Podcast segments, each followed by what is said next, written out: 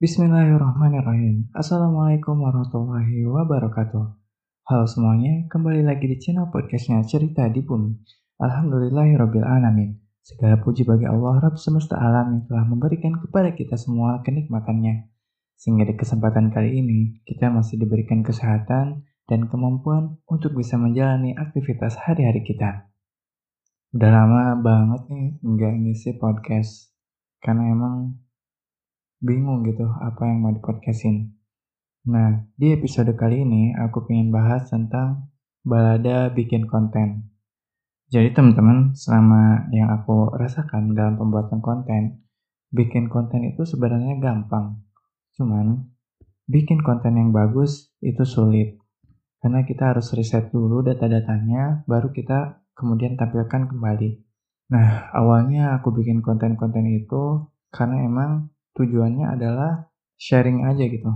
Karena ketika aku mencoba untuk sharing, bikin konten yang mudah-mudahan bisa bermanfaat, itu menjadi salah satu kesenangan gitu, salah satu kepuasan ketika aku bisa men-share-nya. Nah, namun seiring berjalannya waktu, nggak nggak gampang ternyata ya bikin konten itu banyak faktor-faktor yang memang menjadi halangan atau mungkin hambatan yang bikin apa ya susah gitu bikin konten tuh.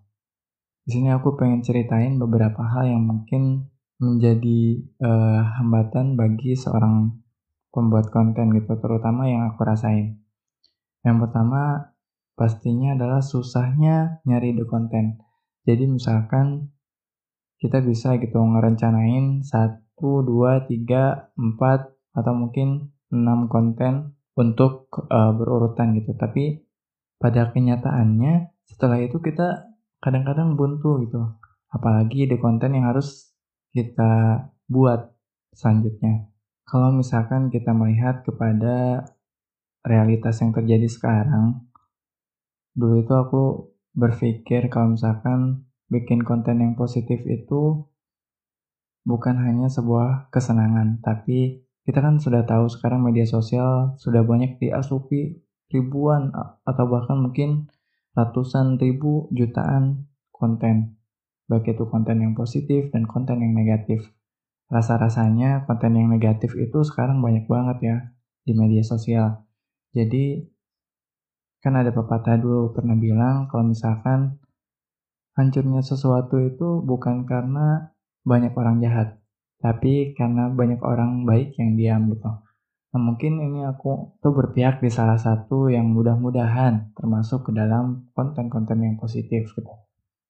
Nah itu teman-teman selain tadi susahnya nyari ide konten, yang kedua adalah idealisme. Ya kadang-kadang kita bikin konten ya pinginnya kita gitu yang menurut kita bagus, yang menurut kita bermanfaat, tapi belum sesuai mungkin sama demand dari orang-orang yang melihatnya atau mengkonsumsi kontennya.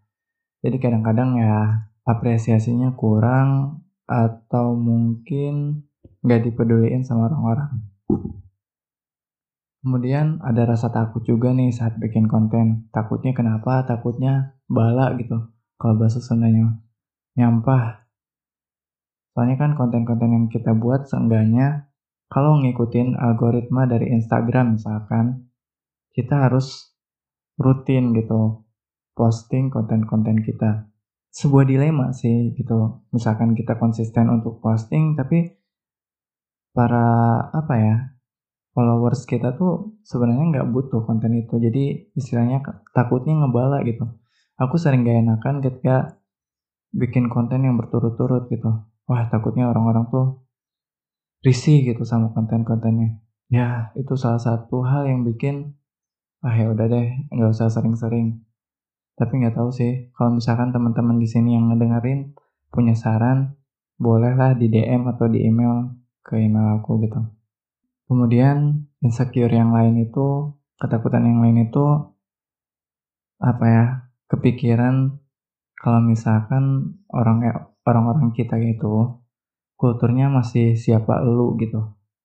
Jadi ketika kita membagikan hal yang kayaknya jauh dari kita gitu, maksudnya kita bukan ahlinya di bidang itu ya itu hanyalah angin lalu dulu pernah baca statusnya di LinkedIn kalau nggak salah bagus tuh Jadi ketika kita bukan siapa-siapa, hal yang kita katakan itu ya bukan apa-apa gitu, kayak kentut aja.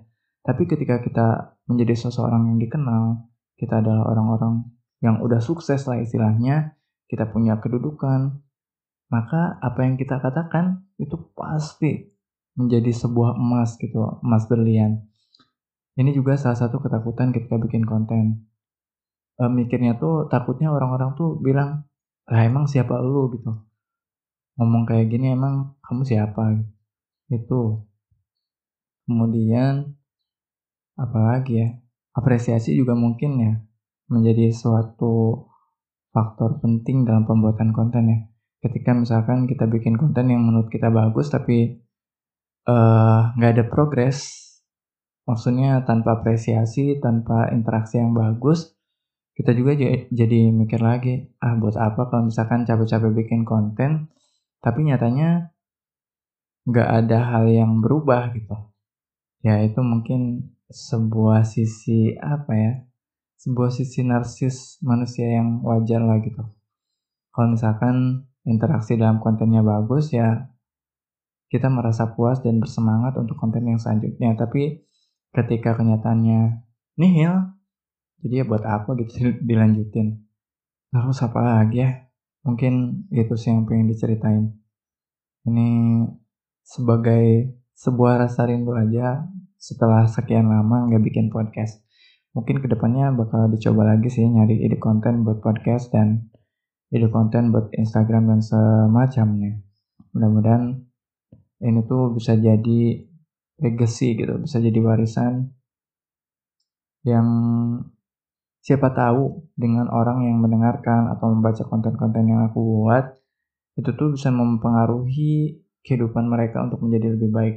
Karena kan ketika kita mampu memberikan perubahan kepada seseorang, kita tuh nggak cuman merubah diri dia aja, tapi ketika dia bisa menginfluence orang lain, maka itu juga setidak-tidaknya kita memiliki peran di dalamnya gitu. Jadi gak ada sesuatu yang terlalu kecil buat dilakukan. Jadi ya mudah-mudahan ini tuh menjadi apa ya kesenangan, hobi yang suatu saat nggak cuma nggak cuma untuk sharing semata gitu tapi inginnya seperti ikigai lah kan kalau ikigai itu apa yang kita lakuin itu juga bisa menghasilkan untuk kita gitu. Ya mungkin segitu aja teman-teman sharing kali ini.